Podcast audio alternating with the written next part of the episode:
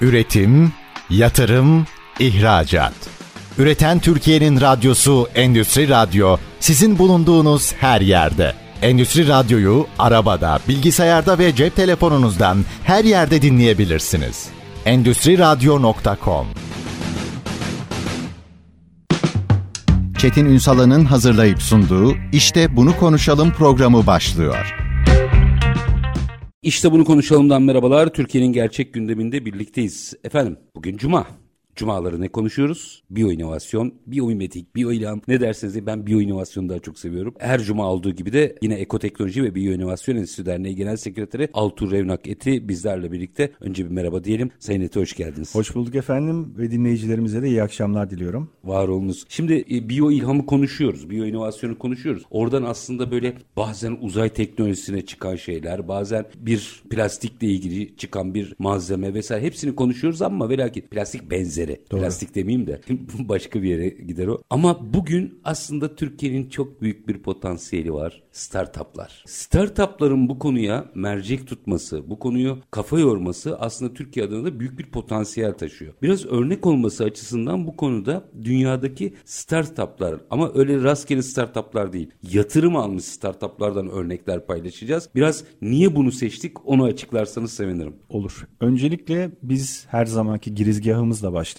Niçin bunu anlatıyoruz? Öncelikle dönem gereği olarak çevresel sorunlar, küresel felaket olarak adlandırdığımız dünyanın biyosferinin, dünyanın sağlığının bozulması ve bu bozulmanın nedeninde bizler, insan türü. Çünkü türler içerisinde doğaya tek zararlı varlık biziz. En akıllı olduğumuzu iddia ederken aslında o kadar da akıllı olmadığımızı anlıyoruz. Doğaya ve biyolojiye baktığımızda. Daha doğrusu akıllı demeyeyim de zeki olmadığımızı anlıyoruz. Çünkü bizden çok daha zeki milyonlarca canlı var. Ve eskiden Üstelik şey beyni olmadı halde. üstelik beyni olmadığı halde birçoğunun. Yani bir bitkiye baktığımız zaman yapabilecekleri ve yaptıkları bir yere bağımlı bir bağlı bir canlıdan bahsediyoruz. Çünkü yürüyemiyor. Evet yürüyenleri de var ağaçlar içerisinde ama bitki türlerine baktığımızda yürüyemiyorlar. Ama onu da bertaraf edecek donanımlara sahipler. O zeka onlarda var. Ya da mayalara bakıyoruz. Maya türüne yani mantarımsı mayalara bakıyoruz. Ya da bakterilere bakıyoruz. Mikroplara bakıyoruz. Hepsi çok zekiler ve çok akıllıca işler yapıyorlar ve bu yaptıkları aslında hep de insanın daha doğrusu doğanın faydasına. Ve 4 milyar yıldır canlılık doğayı bozmadı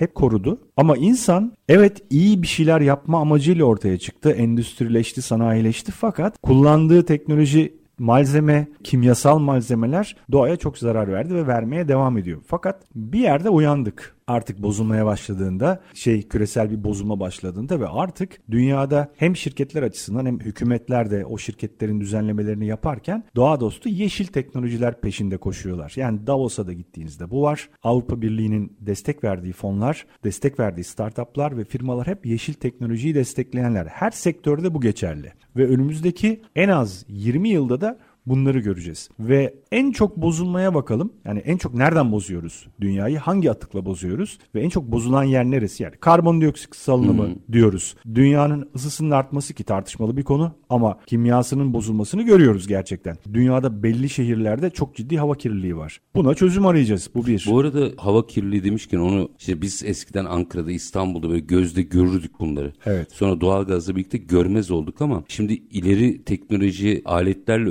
ölçüldüğünde bizim tertemiz gördüğümüz havada bile kirlilik olduğu ortaya çıktı. İçeriğindeki kimyasalları biz göremiyoruz ama canlılar onu fark ediyorlar sensörleri sayesinde. Ve o canlılar orada yaşamayı bırakıyorlar. Yavaş yavaş oradan çekilmeye başlıyorlar. İnsan türü kirli bile olsa orada yaşamaya devam ediyor. Bir yerde de mecbur kalıyoruz aslında. Çünkü işimiz, hayatımız oraya Orada. bağımlı. Ama doğada canlı hep yer değiştiriyor. Yani sağlıklı yaşayacağı yere gidiyor ve oranın da sağlığına bir fayda veriyor. O yaptığı şeyler içerisinde. Şimdi biz hava kirliliği, su kirliliği, su azalması, içilebilir su azalması çünkü dünyada içilebilir su kaynakları %2 bunun üstünde değil ve yenilenmesi de çok uzun sürüyor. Fakat doğada su nasıl temizleniyor? Hangi mekanizmalardan geçiyor? Çünkü birazcık derin baktığımızda o akan suyun nasıl bir taş filtre sistemi içerisinden temizlendiğini gördüğümüzde filtrelerimizi onlara benzetmeye başlıyoruz. Ya da insan vücudunu incelediğimizde biz devamlı sağlıksız şeyler yiyoruz. Farkındaysak. Tabii canım. Devam. Zehirli kimyasallar yiyoruz. Yani bütün o yemekte olduğumuz hazır gıdalar sadece değil, onların içerisindeki kimyasallar, içtiğimiz suyun içerisindeki kimyasallar bunları temizleyen nedir? Kimdir? Vücudumuz içerisindeki her hücrede işte aquaporin denilen Metabolizma deyip çıkıyoruz biz. şey filtreler içinden. var. Tabii. Ya çok basit minicik bir şey. Aslında bir sistematik var orada. Ciddi bir sistematik. Yani o hücrenin ayrım yapabilen filtre sistemi neyin zararlı, neyin yararlı olduğunu ayırıp tek tek molekül molekül ayırabilen bir filtreden bahsediyoruz. Yani bizim gözle gördüğümüz değil. Nano bir yapı içerisinde ayrım yapıyor. Bunu örnek alan Aquaporin işte o teknolojiyi örnek alan firma şu an çok ciddi yatırımlar aldı. Askeri teknolojilerle başladı çünkü askerlerin çamurlu suyu temizlemek için kullandıkları o işte filtre sistemi buradan geçti. Sonra uzayda kullanmak için NASA bunu destekledi. NASA ciddi para ayırdı buna. Çünkü orada devamlı kullanılmış olan suyu tekrar tekrar dönüştürüp temizleyerek tekrar kullanmak isteyeceğiz. Yani Mars'a gidecek olan kurulacak olan yapı içerisinde de aynı teknoloji var. Şimdi nedir yani? Orada bir sorundan yola çıkıldı. Su azalıyor. O zaman biz suyu korumak için ne yapmamız gerekir? Onu temizleyecek sistemleri geliştirmemiz gerekir. Sonra mesela su olmayan yerler var Afrika'da. E orada da sağlıklı, temiz ortama hatta temiz tuvaletlere ihtiyaç var. Bir firmada onu çalıştı. Ondan da daha önce bahsettik. Hollandalı bir firma suya ihtiyaç duymayan temiz tuvaletler geliştirdi. Peki nasıl yaptı bunu? E, o kadar enteresan bitkiler var ki ormanda bütün o işte hayvanların tuvalet atıklarını gıda olarak kullanıp onun suyunu tekrar tekrar dolaştırıp çok iyi bir şekilde çekip suyunu buharlaştırdıktan sonra kalanı da gübreye çevirecek bir teknoloji ürettiğini daha Bunun doğrusu. çok basitini aslında AVM'lerde bazı pisuarlarda görüyoruz. Görüyoruz. Susuz temizlik. Evet. E bu da hayat kurtaran aslında yani belki bizim için olmasa da suya sahibiz. Allah'a çok şükür ama Afrika'ya gittiğinizde veya birçok yerde yok. E, yani ihtiyaçtan doğan bir anlayıştı. Bu da aslında uzay teknolojilerini geliştirmekle ilgili başladı. Yani daha önce programlarımızda konuşmuştuk. Ortada bir sorun var. Bu sorunu çözmek için doğaya bakıyoruz. Doğada bu sorun zaten çözülü yaratılmış. Yani var orada. Bu da katkı verirken zenginlik yaratıyor. Bu da katkı verirken zenginlik yaratıyor ve bu da bir firmaya zenginlik yaratmıyor. Ona bir başka açıdan bakan da benzeri başka bir teknoloji geliştiriyor ve patentliyor. Son 10 yılda patentlerin sayısı yüzde yüzde 171 artmış son 10 yılda. Yani böyle katlanarak yükselen patentler bir de üstüne çok fazla buluş ve keşif var biyo inovasyon konusunda ve bunlar daha şu an hali hazırda yatırımcı arıyorlar. Dünyanın birçok üniversitesi özellikle Amerika'da mesela California Tech, MIT Üniversitesi, Harvard Üniversitesi, Weiss Enstitüsü bunlardan devamlı yenilik çıkıyor ve onlar sitelerinde bu yenilikleri duyuruyorlar. Bakın şu firma ya da şu grup, şu öğrenci grubu bunu geliştirdi. Buna lütfen destek verin, yatırım yapın diye duyuruyorlar. Ve Amerika'da genelde batıda bu tarz fon ve şeyler venture capital deniyor bunlara. Borsası var yani. İnovatif şeylere, gelişmelere yatırım yapmak isteyenler var. Tohum fonları var. Ondan sonra ikinci aşama startup şeyleri var. Fonları var destekleyen. Melek yatırımcı ya da yatırım fonu olarak biliyoruz biz burada. Aynen öyle. İşte sadece bu alana yönelik. Çünkü genelde de mesela Avrupa Birliği ya da e, uluslararası organizasyonlar, fonlar diyelim duyuru yapıyorlar. İşte önümüzdeki 10 yıl şu şu şu teknolojileri destekleyeceğiz diye. Çok belli ki dünyanın sorunlarını çözecek olan teknolojiler en büyük destekleri alacaklar ve alıyorlar. Bazı örnekleri de birazdan vereceğim. Şimdi ben kısa bir yine girizgah yapıyorum. Biz niye bunları anlatıyoruz? Çünkü öyle bir bilinçlenme istiyoruz ki doğadaki teknolojinin, mühendisliğin, bilginin yani hazine gibi olan bu bilginin şeyi o plan yol planını yol haritasını öğrenmeye çalışıyoruz. Çünkü bunu öğrendiğimizde teknolojinin daha iyisi ortaya çıkacak. Hiçbir geri adım atmıyoruz. Yine çok daha gelişmiş bir teknoloji ortaya koyuyoruz. Çünkü onlar bizden çok daha gelişmiş teknolojilere sahipler. Ama doğru teknoloji, doğayı bozmayan, bütünsel bir yaklaşımı bize aslında öğreten. Yani bunu biz doğa diyor ki aslında bize, doğanın yaratıcısı Allah bize diyor ki aslında bozmadan bütünsel bir aile gibi tek bir vücut gibi dünyayı koruyup bunu korurken de kendinizi de koruyacak en güzel altyapıyı kurabilirsinizi bize öğretiyor aslında. Sadece görmek lazım. Araştırıp bunu ortaya koymak lazım. Biz de bunu araştırdıkça ortaya bir sürü yeni disiplin çıkıyor. Biyo inovasyon bunun isimlerinden bir tanesi. Biyomimikri yani biyo benzetim. Ondan sonra biyo ilham, biyo inovasyon. İnovasyon herkes çok seviyor. Hani yenilik, yenilik, yenilik. Ama geçmişte hep yenilikler en son 20. yüzyılın sonuna baktığımızda teknoloji üstünden yürüyordu. Ama o teknoloji hep daha çok enerji harcadı. Daha çok malzeme kullandı, maden kullandı. Ondan sonra silikon üretmek için artık yapılanlar sona geldi. Bu aslında dördüncü sanayi devriminin yeni teknoloji veya endüstriyel hali. Doğru. Beşi bekliyoruz işte. Yani, yani ama hani sadece dijitalleşme değil orada çıktılar çok önemli. Doğru. Ve çıktılar daha yeşil ekonomiye doğru yöneliyor. O yeşil ekonominin içerisinde IT de var, programcılık da var. Bilmediğimiz kadar çok program diline sahip bir altyapı var. Yani biz bilgisayarlarımızda belki 4-5 tane işte yazılım dili ya da sistem İşletim kullanırken canlıların her biri ayrı sistemler. Analog ve dijital. Onun içerisine baktığımızda mikroçipler, işte bütün şeyler açma kapama fişleri, kablolama, kablosuz sistemler, kuantum mekaniğinin altyapısı hepsi orada var ama biz daha orada değiliz. Şimdi oraya doğru gelmeye başladık ve bu ciddi bir bilinç ortaya koymaya başladı. Artık hep baktığımızda bütünsel bir yaklaşım. Ekonomilerde de eskiden sınırsız büyümeye yönelik bir materyalist anlayış ama doğada öyle değil. Doğada ne- Optimum. optimum yani büyüme değil ama tam yani optimum düzeyde bir hayatı koruyacak ve ekonomik altyapıyı koruyacak bir yapı paylaşımcı, dönüşümsel. O dönüşümsel olması çok önemli çünkü sıfır atık istiyoruz biz. Şu aslında büyüme değil kalkınma dediğimizde Doğru. bu. Aslında o. Onda da doğadan model almamız gerekiyor. Yani doğada aslında canlılar içerisinde fakir yok. Doğal şartlar içerisinde, elverişli şartlar içerisindeyi kastediyorum. Stres durumu tabii ki var. Yani tabii ki suyun eksikliği ya da gıdanın eksikliğini hisseden canlılar ama orada da yer değiştiriyorlar ya da Formülize ediyorlar. Vücutları ona adapte oluyor. Ama adaptasyon için gereken onlarda var. Bizde de bir akıl var. İlham alabilecek bir akıl seviyesine sahibiz. Onu anladığımızda onun benzerini yapabilmek, belki daha iyisini yapabiliriz. O akıl da var bunda bir sınır yok. Ama Ki yapabildiğimizi geçen hafta Türkiye'den bir örnekle de paylaştık. doğru. Yani doğru bakan yapabiliyor demek ki. Doğru. Şimdi doğadan daha iyi olabilir miyiz? Belki olabiliriz ama daha biz doğaya yaklaşamadık bile. Yani onun altyapısını anlamaya çalışıyoruz. Burada da mesela biyoloji sadece biyoloji olarak kalmıyor. Mesela fizikle birleşiyor. Çünkü yapısal bir altyapı artık oluşturmak gerek. Ne demek yapısal? Biz hep bir şeyi kurgularken üstüne başka kimyasallar ekliyoruz. Başka polimerler ekliyoruz. O yüzden de 300 polimer kullanıyoruz dedik ya. Yaptığımız, ürettiğimiz her şeyde. Ama doğada 5 polimer var. Çok daha az malzemeyle ama yapının altyapısında bulunan matematik işte öyle bir şey ortaya koyuyor ki çeşitlilik ortaya koyuyor ki o matematik sayesinde aynı az malzemeyle atık bırakmayacak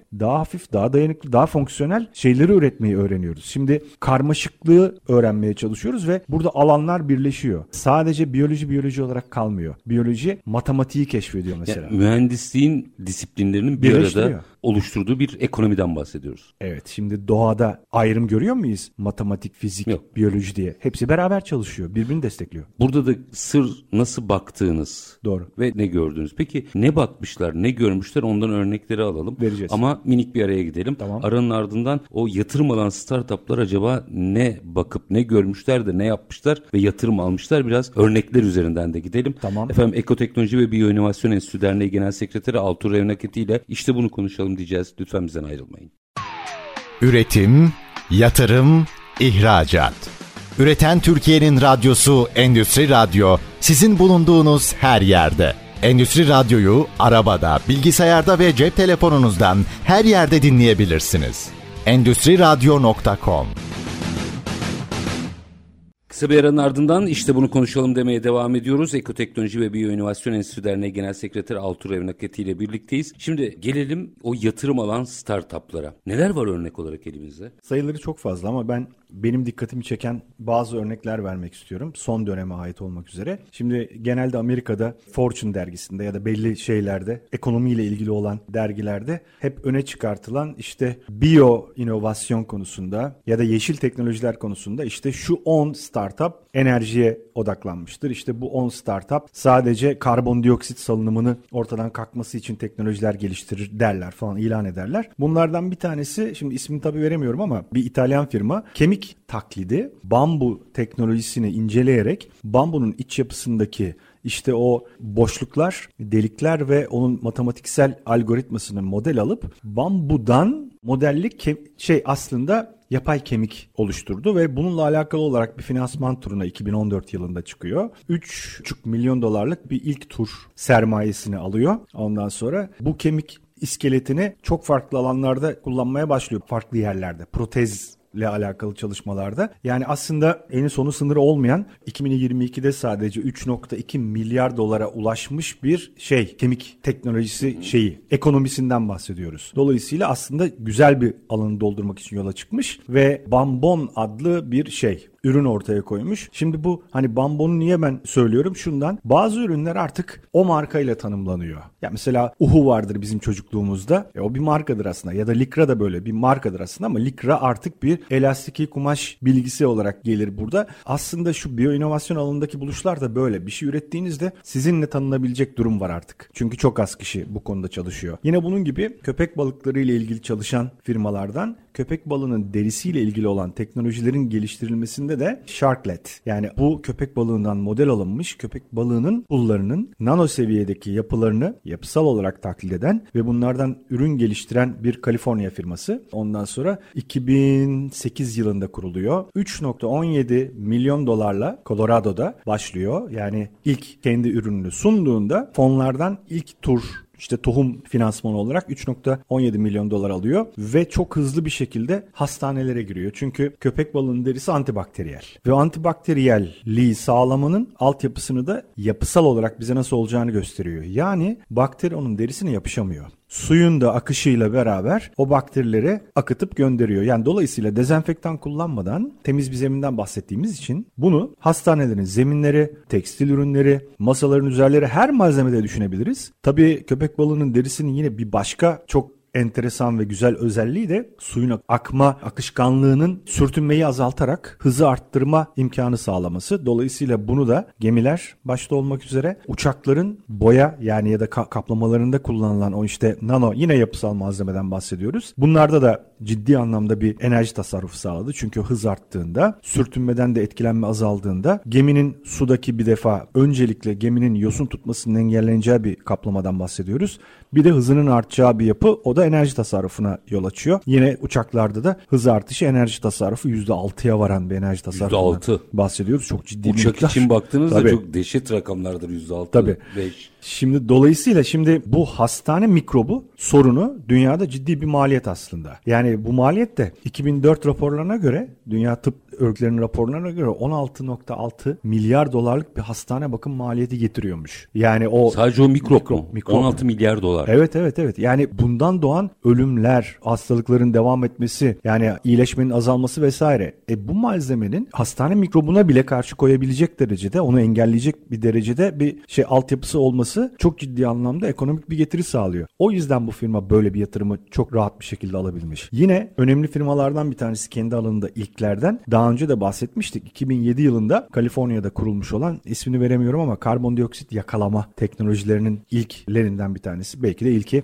Kalsiyumu karbonata dönüştürebiliyor. Evet, evet, mu? evet, evet. Yani gazı, karbondioksit gazını, bacadan çıkan gazı başka bir yerde toplayarak, o gazı durultarak diyeyim kendi yöntemleriyle, kurutarak ondan sonra da bunu çimento yapılacak bir şeye, yani çimento malzemesine çevirip yeni bir beton üretmek için altyapıyı kuruyorlar Yeni beton teknolojisi diyebilir miyiz buna? diyebiliyoruz. Biyobeton teknolojisi de diyebiliyoruz. 45,5 milyon dolar 3 tura çıkmış, tanıtım turuna çıkmış. Bu 3 tur fon desteğini 45.5 milyon dolar olarak almış. Fena da para yani fon almıyorlar ha. Tabii tabii tabii tabii tabii. E şimdi şu an bu firmanın anlaşma yapmış olduğu inşaat firmalarını ben okudum. Yani Amerika'daki devlet tavsiyesiyle mesela devlet ihalelerinin birçoğunu mesela buna veriyorlar. Çünkü yeşil teknoloji desteklenmeye başladığı için bu ve bundan başka da kurulmaya başlamış olan yeşil teknolojilerle alakalı olarak çünkü artık hükümet politikalarına girmiş durumda. Bu yeni bir sistematik ama bu, bu şimdi bunu da ıskalamayalım. Yani burada Yo ilhamdan ürün üreten startupların bir şekilde yatırım aldıktan sonra da yani rüştünü ispatladıktan sonra Tabii, aslında tabii.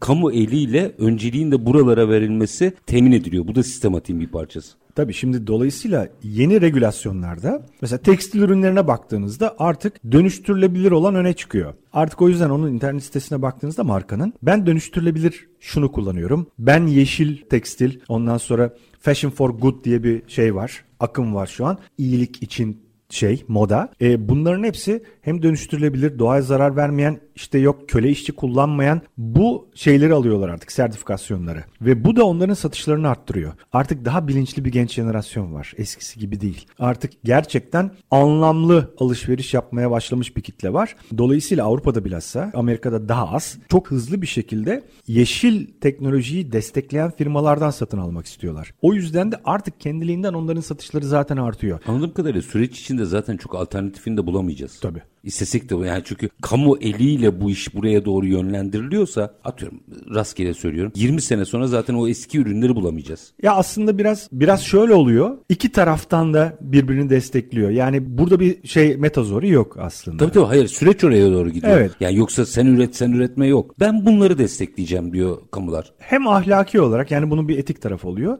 Bir de aslında bu maliyet olarak baktığınızda size pozitif bir maliyet getiriyor. Yani aslında çok daha az enerji harcayacak oluyorsunuz. Bir sorunu çözüyorsunuz çünkü kirli havayı çözüyorsunuz. Kullandığınız malzeme daha hafif olduğu için ve daha uzun süre dayandığı için onun taşınması, nakliyesi, şusu busu da zaten karbon ayak izinde çok daha etkili oluyor falan. Hani öyle bir ürün yaptım ki ben aslında daha maliyetli ama ahlaken daha güzel değil. Öyle değil. Gerçekten hem doğa dostu hem daha düşük maliyetle üretiyorsun. Daha dayanıklı hem de dönüştürülebilir. Yarın bir atık bırak bırakmayacak. Yani aslında her yönden galip başlıyor. Aslında devletler bunları destekleyerek başta ham madde ve enerji arz güvenliklerini teminat altına alıyorlar. Tabii. Hiçbir yere bağımlılıkları yani mesela bizim reel sektörde en büyük sorunumuz nedir mesela ithalat konuşuyoruz ama ham madde dışarıdan. Bu tip girişimler aslında bizim ham madde ihtiyaçlarımızı ham büyük madde ölçüde doğa zaten. işte içeriden sağlamamızı sağlayacak aslında. Ve hala bizim doğamız bakir aslında. İnşallah bozmayız ama hala bakir ve hala çok temiz havaya sahip yerlerimiz de var. Tabii, topraklarımız da var. Bitki örtüsü açısından baktığımızda zengin bir ülkeyiz. Daha kullanılmamış ve araştırılmamış çok sayıda şeyimiz var. Endemik bitkimiz var. Ve bunlardan üretebileceğimiz o kadar çok şey var ki yani biz bazı şeyleri bahsettikçe yeni keşifleri Türkiye'de de bunlar yapılabilir diyeceğiz hep aslında. Yine işte bu girişimlerden bir tanesi biraz önce bahsettiğimiz Aquaporin yani o filtre sistemini keşfeden Danimarkalı firma. 2000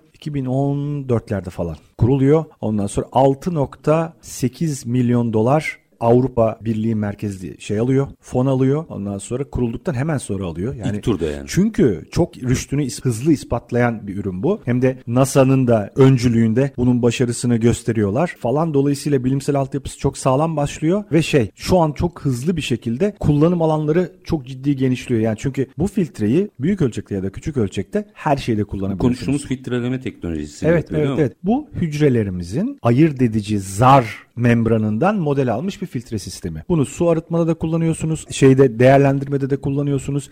Belediyenin bütün o büyük su tesislerinden tutun e, barajlara kadar veya çok küçük şişenin ucuna takacağınız filtreye kadar her yerde kullanabileceğiniz bir filtre yapısından bahsediyoruz. İlk 6 1.8 milyon dolarla başlamış. Bu tabii avantajlı başlamış yani. Evet. Hemen yatırım alması NASA ve benzeri yerlerde sanıyorum zaten desteklenen bir proje olduğu için anında yatırım almış mesela. Evet. evet. Yine mantar tabii çok önemli bir şey. Mantarsız Malzeme. yürüyemiyoruz zaten. Ve o mantarın o kadar çok şeyi var ki yani o kadar çok firma mantarla ilgili çalışmış ve patentlemiş ki konularını şu an mantar gerçekten birçok malzemenin yerine geçmiş bile. Siz mantar, örümcek ve karıncanın muhteşem olduğunu düşünüyorsunuz. Örümcekten çok şey geliştirilmiş. Bir yani, o örümcek patent, ve ağı patent, tabii, çok tabii. fazla patent çıkmış. Ondan sonra mantar o şekilde. Ki karıncalar da aynı. E, karıncalar çok çalışıyorlar galiba. Bakteriler. Bakteriler keza. Ondan sonra bakteri ve mayalardan bilhassa tıp dünyası çok etkilenmiş. Şimdi mantar teknolojileri içerisinde malzemeyle alakalı çalışan daha önce birkaç firmadan bahsetmiştik. Amerika merkezli. Bunlar hep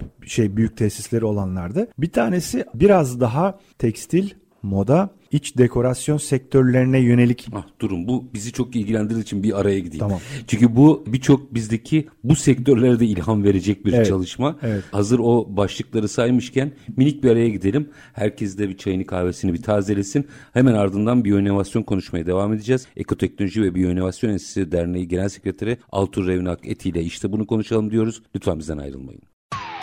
Üretim, yatırım, ihracat. Üreten Türkiye'nin radyosu Endüstri Radyo sizin bulunduğunuz her yerde. Endüstri Radyo'yu arabada, bilgisayarda ve cep telefonunuzdan her yerde dinleyebilirsiniz. Endüstri Radyo.com Kısa bir aranın ardından işte bunu konuşalım diyoruz. Ekoteknoloji ve Biyoinovasyon Enstitüsü Derneği Genel Sekreteri Altur Evnaketi ile beraber biyoinovasyon konuşuyoruz ve özellikle bu konuda yatırım almış startup örneklerini paylaşıyoruz. Hazır bize ilgilendiren, çok daha yakından ilgilendiren, yani hepimizin aşina olduğu sektörlere gelmişken orada bir virgül atmıştık. Evet. Hadi kaldıralım virgülü. Mantarı konuşuyorduk. Gerçekten mantar, mizelyum mantarı da bayağı uzun anlatmıştık aslında. Altyapısı yani toprağın altındaki internet diyebileceğimiz ormanı birbirine bağlayan türleri birbiriyle konuşturan. Üst tarafta bizim hani ormanda topladığımız o mantarlar onun meyvesi.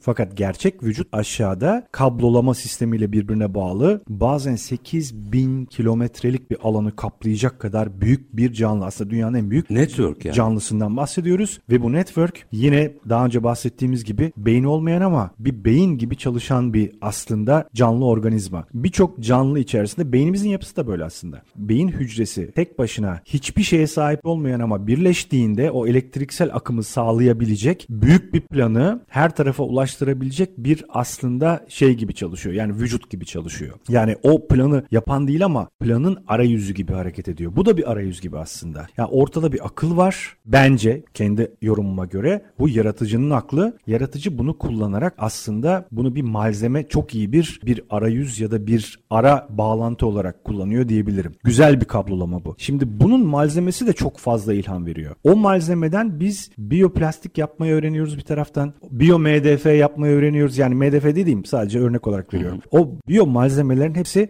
hem parçalanabilir yani sürdürülebilir bir malzeme ortaya Yok çıkıyor. olabilir diyelim yani doğada Yok, yok, olabilir. Doğru. Isıya çok dayanıklı. Hem hafif ama çok sağlam, çok esnek. Yani aslında plastik yerine kullanabileceğimiz en doğru malzemelerden birini ortaya koyuyor. Şimdi Avrupa'da bir organizasyon var Avrupa Birliği'nde. ECBF, EU Circular Bioeconomy Fund yani sürdürülebilir şey Avrupa Döngüsel Biyoekonomi Fonu. Döngüsel ekonomi fonu. Evet böyle bir Ve fon- biyo fon diyorsun. Evet biyoekonomi fonu. Onu vurgulamışlar tam, yani. Tam bahsettiğimiz şey aslında bu. Ya bir biyoekonomi kurmak için fon oluşturmuşlar ve bu fon bu sene şirketler için, şirketleri finanse etmek için 300 milyon dolar toplamış. Yani elinde böyle bir para var ve Ha, gelin toplayacağız değil. Toplamış. Para var, kaynak var, para fon var, var. kaynak var. Yani Avrupa Birliği'nin politikaları içerisinde yeşil ekonomiyi geliştirmek üzere zaten bir politika altyapısı belirlenmiş ve bunun içinde bir biyoekonomi fonu kurulmuş. Bu fonda kendi sitesine girdiğiniz zaman ECBF sitesinde baktığınızda .org diye giriyorsunuz. Orada desteklediği firmalar var. Ben bu sene bu firmaları destekledim diyor. Benim listemde bakın şu firmalar var. Siz de bunlara benzeyin ki ben de size para vereyim diyor. Ama projenle gel. Ama projenle gel. İşte oradan para ve destek almış birçok firma var. Bazılarından örnekler vereceğim. Şimdi belki ismini veremiyorum ama 2015'te İtalya'da kurulmuş bir firma var. E, sürdürülebilir malzeme inovasyonunun liderlerinden bir tanesi bu. İki tane ana marka üretmiş. Alanlara bölmüş bunu. Bunlardan bir tanesinde iç dekorasyona yönelik ve ambalaja yönelik mantar bazlı ürünler üretmiş. Mantardan nasıl üretiyor? Biz bunu daha önce anlatmıştık. Siz mantarı bir tarafa koyuyorsunuz. Bir de atık malzeme topluyorsunuz. Herhangi bir atık bu. Yani yine doğal malzemeler içerisinde. Bu ne olabilir? Talaş olabilir. Bu mısır atığı, herhangi bir tarımsal ürünün atığı. Yani onun parçalanmış hali olabilir. Onu bir yere yayın. Ondan sonra da suyu koyun. Mantarı da içine bırakın. O mantarlar bir süre sonra o malzemeye yapışıp onlardan bir birlikte vücut oluşturuyorlar. Malzeme oluşuyor Malzeme yani. oluşturuyorlar. 2-3 gün içerisinde karşınıza bir malzeme çıkıyor. Onu bir kalıba koyarsanız. O kalıbı siz kurguluyorsunuz ve buradaki onun işte esnekliği, sağlamlığını organize etmek için de yapılan deneylerle artık hatta genetiğiyle de oynanabiliyor şey mizelyum mantarının. Siz bunu organize ediyorsunuz. Yani daha ısıya dayanıklı olsun. İşte yapısal renk mi istiyorsunuz? İçine bakteri atın. Bakterilerden renk üretenler var. Boya kullanmanıza gerek yok. Bazı bakteriler pembe renk üretiyor. Bazı bakteriler mesela neon sarı üretiyor. Bu bakterileri de öğrenen biyoloji dünyası artık yapısal rengi de oluşturmak için bir tarafından bakteri kullanabiliyor. Genetiği değiştirilmiş. Bir tarafında daha önce bahsetmiştik. Yapısal kristal malzeme diyebileceğimiz o işte mikro kristaller yoluyla renk yansıtıcılar da kullanabiliyor. Şimdi bunu yaparken bahsettiğim firmanın dekorasyon tarafında çalışanı öncelikle kutular geliştirmiş. Bir önce neyi söyleyeyim? Ne kadar destek almışlar? A serisi fonlardan 11 milyon dolar toplamış bu firma. Daha başladığında. Demiş ki ben iki tane marka kuruyorum. İki dikey marka üzerinden gideceğim. Şunları şunları ürettim bakın gelin demiş. Onları göstermiş. Çok büyük iki tane venture capital firması desteklemiş bunu. ECBF ben açtım demiş e, şeyi startup'ın fon şeyini tanıtımını gelin. İki tane büyük işte venture capital firması gelmiş. O da yatırımcılarını çağırmışlar. 11 milyon dolar toplanmış. Ve hemen üretime geçmişler. Çok büyük tesisler kurulu. Yani baktığınızda bugün İtalya'da ne üretiyorlar? Bir grup ürünler kutular. Her tür kutu Ambalaj. ambalaj. Her boy her tür kutu. Bir taraftan dekoratif akustik paneller üretiyorlar. Ve bu dekoratif akustik paneller çok ince, çok işlevsel. İstediğiniz her yerde, binalarda, binanın dışı, içi her yerde kullanabiliyorsunuz. Akustik panel teknolojisinde liderliği almış bile. Duvar panelleri üretiyorlar. Dekorasyonda kullanılan duvar panelleri çok dekoratif, yapısal renklere sahip. Yer kaplamaları ve karolar. Yani bakın sektörleri düşünün. Yani bütün bu sektörlerde Gittikçe yayılıyor. Tabii çok ciddi alanlar bunlar ve sadece bir fabrika işte dekorasyona yönelik işte paneller, duvar panelleri, akustik sadece akustik bir şey zaten mühendislik altyapısı. Bu bir tarafı markalarından biri. Diğer bir tanesi de sırf moda dünyasına hitap ediyor. O da mantardan yola çıkarak deri üretiyor. Ve şimdi deri teknolojilerine baktığımızda vegan deri teknolojileri aslında suni deriden çok farklı değil. Yine parçalanması Kimyasal ve, yine. Evet yine kimyasal. Yine onda boya kullanıyorsun vesaire vesaire. Hatta orijinal deriden daha da kimyasal. Evet. Evet, evet, evet. Bunda fakat deriyi yetiştiriyorsun ve bu yetiştirilmiş deri sadece deri üretmiyor aynı zamanda biyo kumaş da üretiyor. Yani o derinin yapısını biliyoruz ama kumaş yapısında da her türlü e, işte kaplamalarda kullanılan, perdelerde kullanılan ondan sonra biyo kumaşları da yine bu patentlediği Yani teknoloji. kaba malzeme değil ince malzemeye tabii. kadar gidebiliyor. Öyle ince ki bir de öyle bir de kaliteli ki 2022 Paris Moda Haftası'nda dünyanın en çok kazanan bugün en top markalarından bir tanesinin bütün koleksiyonunu bu marka Bu muydu? evet bu malzemeyle kullandırdı. Zaten o da çok ciddi bir tanıtım oldu. Bu sefer başka moda markaları da sıraya girdi bu malzemeden kullanmak için. Dolayısıyla siz o top markalardan birine ürünü verdiğiniz zaman zaten o sizi piyasaya tanıtmış oluyor. Şu an çok ciddi bir talep var. Çok büyük fabrikalar kurmuş durumda ve yatırım şeyini gamını geliştirmeye devam ediyor. Başka bir firma daha önce aslında anlatmıştık. Yapı malzemelerinde her türlü ambalaj yapı malzemelerinde şeyi kullanıyor. Mantarı kullanıyor. Dünyada bu konuda liderlerden 2017 yılında 30.1 milyon dolar fon almış. Ondan sonra yine ECBF'den almış bunu. Yani yine o ECBF'nin desteklediği kendi listesinde olan ben destekliyorum dediği firmalardan bir tanesi. Ve bu yine yeşil teknolojilerle ilgili olan startuplar içerisinde en tanıtılanlardan biri. Çünkü birkaç sektörde çalışıyor. Sadece malzeme geliştirmemiş. Ne yapmış mantarı biliyor musunuz? Et yapmış. Mantar. Ete alternatif yapmış. Bunda da ne kullanmış? İnsana faydalı bakterilerle beraber bu mantarı birleştirmiş, özel bir prosesten geçirmiş ve etin kullanılan daha çok restoranlarda kullanılan inceliği ve tadına uygun bir şekilde çok güzel bir et üretmiş. Şu an gıda piyasasında dünyanın en büyük birkaç firması ben senden et alacağım diye anlaşmalarını yapmış. Şimdi ben burada anlatırken ben de duyduğumda ilk bu işte mantardan ya da diyelim soyadan yapılmış et aynı tadı, tadı vermez kardeşim. Aslında öyle değil hakikaten. Kaliforniya'da Santa Monica'da beni bir yere götürdüler. Ben de çok ciddi ön yargılıyım. Hani vegan etin tadını vermez kardeşim diyorum. Öyle bir yere gitti ki yani bütün menüsünün içerisinde işte bizim bütün bildiğimiz işte biftek, bonfileden yapılmış hamburger, şundan yapılmış bunlar hep et içerikli olan şeyler var. Dedim ki bunlar neden yapılıyor? İşte dediler ki mantar. Ağırlıklı olan malzeme mantar. Ben bunu yediğimde yıl 2017. Tam da işte bu markanın ürünlerini çıkardığı dönem. Ya öyle bir hamburgerdi ki ya etten gerçekten Ayırt ayırt etmeyi bıraktık. Daha güzeldi. Lezzeti yakalamış ya. Yakalamış lezzeti ve hiçbir şekilde o hani Çin tuzu yok işte şey kimyasal e, tatlandırıcılar falan hiçbirisi yok. Tamamen doğa dostu, biyolojik olarak insan sağlığına faydalı. Yani mantarın Aynı besleyicilikte miymiş? Doğagi besleyici, kolesterol içermeden protein içeren Ha, zaten evet. bir şeyden bahsediyoruz. Doğru. Canlıdan bahsediyoruz. Dolayısıyla aslında geleceğin et endüstrisi içerisinde desteklenecek bir de zaten hani büyük bu konudaki devlerle ilgili olarak baktığımızda Gates'ten tutun çok büyük yatırımcılar artık hep şey ete yatırım yapıyorlar. Hani suni ete ama suni biyolojik olmayan suni laboratuvar etindense bu zaten doğada en çok bulunan Ha, çok kolay yetişen lazım. Bu, farklı. O bahsedilen suni et değil, bu değil değil. değil değil hayır. Bu bildiğiniz mantardan yapılıyor. Doğadan başka bir şey yapıyorsunuz. Evet yani. evet yani onu siz özel bir fermantasyon yöntemiyle dinlendirerek yapıyorsunuz. Bu özel bir şey laboratuvar gerektirmeyen mutfak yapısı yerlerde üretiliyor. Çok hızlı bir üretimi var ve bunun tesisleri büyük tesisleri kurulduğu takdirde de çok ciddi anlamda et İhracat. Evet endüstrisinin yerine ge- geçebileceğini söylüyorlar. Dolayısıyla mantar bir de güneş gerektirmeyen yani çok büyük gıdalar hani çok su ihtiyacı hissetmeyen canlılardan bahsediyoruz. Yani siz bir kapalı alanda kapalı bir serada çok hızlı bir şekilde mantar üretebilirsiniz ki bu bizim lokal topraklarımız üzerinde gayet güzel Gayri yapılabilecek bir şey. çıkmış mantarlar var zaten. Onu biraz disiplin altına alıp doğru kurgulamak lazım. Doğru zaten. teknolojiyle. Bir firmadan bahsetmiştik daha önce. Şimdi ismini tabii ki söyleyemiyorum ama örümcek ipliğinden teknoloji geliştirmiş. Aynı firma mantarları da çalışıyor. Ve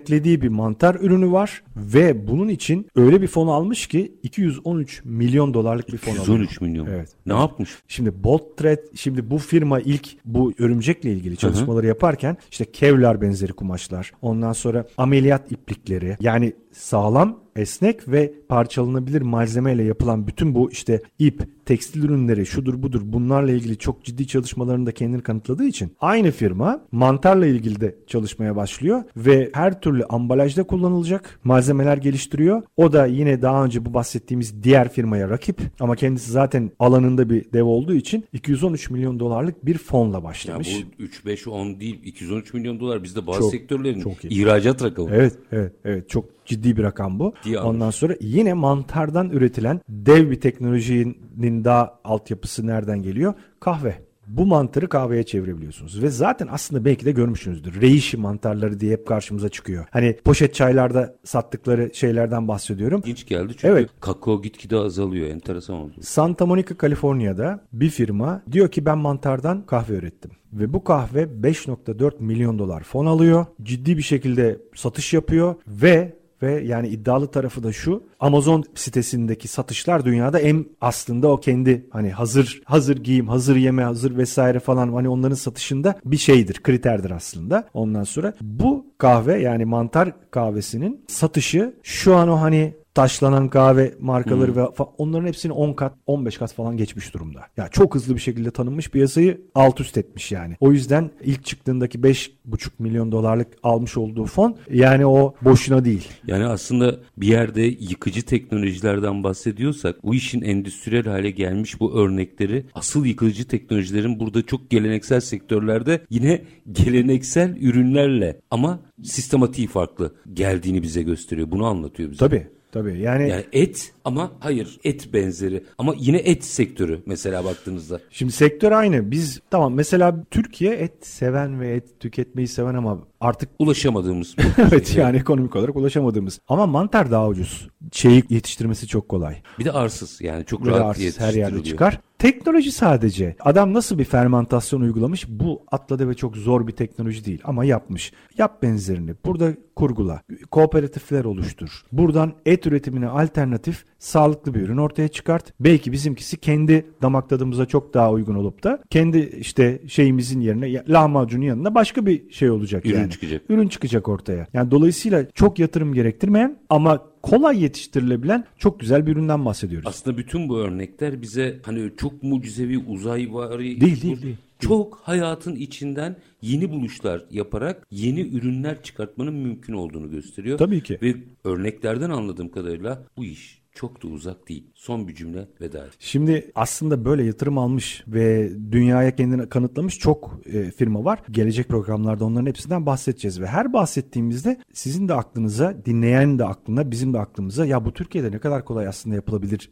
değil mi denecek ve gelecek. Ya bu bakış açısıyla alakalı bir şey. Bu bakış açısını erken yaşta çocuklarımıza aşılamamız gerekiyor. Çözümler sağda solda hep Duruyor. etrafımızda duruyor aslında. Doğada duruyor. O doğadaki kahramanların fark edilmesi gerekiyor. Çocuklarımızı çizgi roman kahramanlarında Marvel şu bu peşinde koşmak yerine biz o doğadaki kahramanların rolünü, ne yaptıklarını, fonksiyonlarını anlatalım. İşte o kahramanların nelere sahip olduklarını öğrendikleri zaman o çocuklar hem doğaya dost, sevgili ve onu koruyacak bir bilgiyi alacaklar hem de oradan bir ekonomi doğacak. Israrla konuşmaya devam edeceğiz. Edeceğiz. Üstad, Ekoteknoloji ve Biyoinovasyon Enstitüsü Derneği Genel Sekreteri Altur Evnakit'e çok teşekkür ederim. Ben teşekkür ediyorum. İyi akşamlar diliyorum. Var olunuz, iyi akşamlar. Efendim biz bugün yine biyoinovasyon, teknoloji ve reel sektör üçgeninde hem genel bir fotoğrafı çektik hem de böyle nokta atışı, bu konuda yatırım almış startuplardan örnekleri sizlerle paylaştık. Konuşmaya devam edeceğiz. Ne olur kendi işinizle ilgili acaba doğada burada nasıl bir açılım yakalayabilirim? Nasıl patente konu iş yakalayabilirim ki ben artık katma değerli üretim yapayım sorusunun yanıtını arayın. Biz her zamanki gibi bitirelim. İşinizi konuşun, işinizle konuşun. Sonra gelin işte bunu konuşalım. Hoşçakalın efendim.